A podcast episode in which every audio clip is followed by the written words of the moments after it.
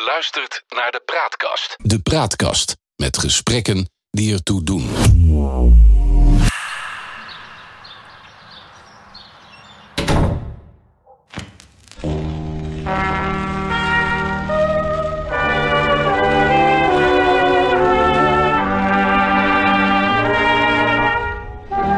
Bij zijn telefonische reservering was hij klip en klaar.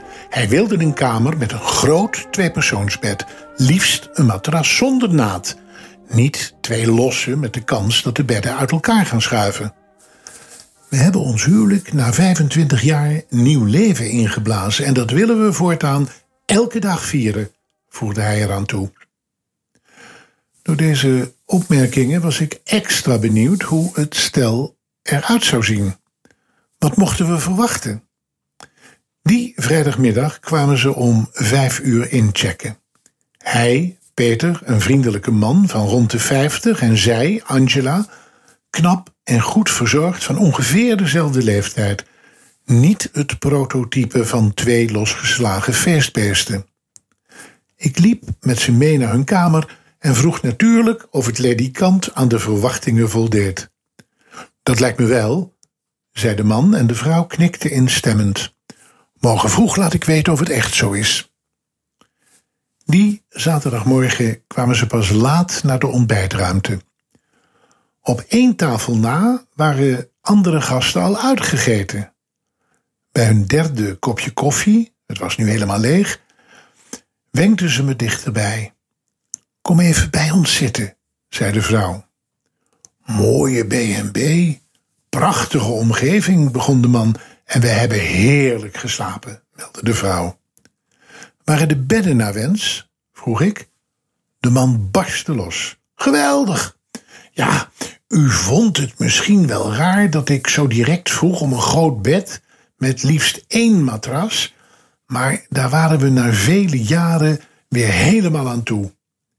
Daarvoor moesten we eerst door een diep dal. De vrouw fluisterde het bijna. Hij, na vele jaren huwelijk was onze relatie sleets geworden. Alle aandacht ging uit naar onze kinderen die de deur uit zijn. Onze tijd werd vooral besteed aan ons werk. We hadden alle twee onze eigen vrienden en kennissen en we leefden steeds meer los van elkaar. Op een gegeven moment moesten we vaststellen dat we vrijwel niets meer samen deden. Omdat de kinderen niet meer bij ons wonen, hadden we ineens een veel te groot huis. En we zijn slechte slapers, die snel wakker worden. En daarom besloten we elk een eigen slaapkamer in te richten. Dat werd het begin van het einde. De vrouw vulde aan. Ik begon me waanzinnig eenzaam te voelen. Vriendinnen van me, die alleen woonden, waren minder eenzaam dan ik. Peter, op een dag stelde ik voor dat we de vrijheid moesten hebben om met anderen te daten. Dat leek ons alle twee een goed idee. Ik keek haar aan. Het was moeilijk om vast te stellen of ze die uitspraak van haar man beaamde, maar ik meende een lichte twijfel te zien. Dat hebben we geprobeerd, zei Angela, maar het werd een mislukking. De man die ik had leren kennen op de tennisclub was niet echt in mij geïnteresseerd, maar alleen in mijn lichaam. Dat vond ik de eerste keer nog wel prettig, maar al bij de tweede ontmoeting voelde het heel goedkoop. Peter had iets meer succes. Hij, ja, aanvankelijk wel. Ik kende haar van mijn werk, een leuke meid die er geen doekjes om wond dat ze me wel zag zitten. Ik vond het fijn dat iemand me lichamelijk aantrekkelijk vond en maakte daar dankbaar gebruik van. Maar na een paar weken merkte ik dat we elkaar verder niks te bieden hadden. Uitgebreid vertelde ze me dat deze seksuele uitstapjes uiteindelijk niet brachten wat ze zochten. Of misschien toch wel. Steeds meer ontdekten deze echte lieden dat ze samen meer gemeenschappelijk hadden dan ze eerst dachten. Het ging niet van een leien dakje.